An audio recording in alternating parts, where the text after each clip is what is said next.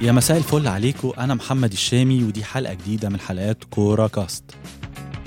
حلقة النهارده حلقة غير حلقة مختلفة. هنغطي فيها أهم الأحداث الرياضية في النصف الأول من شهر يناير العام 2021 كل سنة وأنتم طيبين وإن شاء الله كلنا نحقق أحلامنا في السنة الجديدة. طبعا لا صوت يعلو على صوت بطولة العالم لكرة اليد المقامة حاليا في مصر. البطولة اللي بتشهد لأول مرة مشاركة 32 فريق في نسختها ال 27 الحقيقة أن الدولة المصرية بذلت مجهود كبير في تنظيم البطولة الأكبر في عالم اليد من تجهيز الصالات وتطبيق الإجراءات الاحترازية في ظل الظروف الإصابة بفيروس كورونا. تعالوا نتكلم بقى عن النظام الجديد للبطولة. الدور الأول بيتكون من 32 منتخب بيتقسموا على 8 مجموعات بيلعبوا مع بعض وبيتأهل الأول والتاني والتالت للدور الرئيسي. اللي بيتكون من 24 فريق بيتقسموا على أربع مجموعات بحيث تضم المجموعة الست منتخبات المتأهلين من كل مجموعتين متجاورتين. طبعا حتى الآن ضمنت منتخبات تأهلها للدور الرئيسي وهي كرواتيا من المجموعة الثالثة الأرجنتين من المجموعة الرابعة فرنسا من المجموعة الخامسة البرتغال من المجموعة السادسة ومصر والسويد ومقدونيا من المجموعة السابعة ومنتخبات بيلاروسيا والاتحاد الروسي وسلوفينيا من المجموعة الثامنة.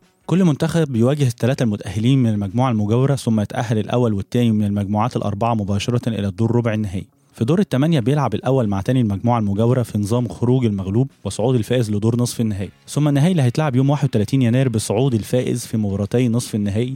نتمنى إن شاء الله لمنتخبنا التوفيق وصعوده للنهائي إن شاء الله. في حادثة طريفة خرجت أخبار على السوشيال ميديا إن لاعب فريق غزل المحلة أودو موزس مش هو اللاعب اللي بيلعب مع الفريق ولكن بعت توأمه في خبر طريف وصادم كابتن خالد عيد المدير الفني نفى الخبر وأكد إنه استبعد موزس لاشتباكه مع أحد اللاعبين لاختلافهم على ثمن حذاء رياضي وأكد على عدم حاجته الفنية لخدمات أودو موزس اليوم قرعة كأس العالم لكرة الأندية المقامة حاليا في قطر من يوم 4 ل 11 فبراير. طبعا انسحاب أوكلاند سيتي بطل أوقيانوسيا بسبب انتشار فيروس كورونا أجل انطلاق البطولة من يوم 1 ليوم 4 فبراير. البطولة ستقام بين الأهلي المصري والدحيل القطري وأولسان الكوري وتايجرز المكسيكي وبايرن ميونخ البافاري بطل أوروبا. وفي انتظار الفائز ما بين سانتوس وبالميراس البرازيليين اللي وصلوا لنهائي كوبا ليبرتادوريس عشان نعرف المنافس السادس على البطولة. تعالوا نشوف بقى قرعة دور المجموعات في دوري أبطال أفريقيا اللي أسفرت عن وقوع الأهلي على رأس المجموعة الأولى مع فيتا كلوب الكونجولي وسيمبا التنزاني والمريخ السوداني. الأهلي تأهل إلى دور المجموعات بعد تفوقه على نادي سوني دب النيجيري بنتيجة 5-0 في مجموع المباراتين، والزمالك في التصنيف الثاني من المجموعة الرابعة بجانب الترجي التونسي شيخ الأندية التونسية مع مولودية الجزائر ونادي تونجث السنغالي اللي عمل مفاجأة كبيرة بإقصائه لفريق الرجاء المغربي. المجموعة الثانية هي مجموعة الموت وبتضم مازيمبي وصن داونز والهلال السوداني وشباب بلوزداد الجزائري. المجموعة الثالثة بتضم الوداد المغربي وحورية كوناكري الغيني وبترو أتلتيكو الأنجولي مع كايزر تشيفز الجنوب أفريقيا.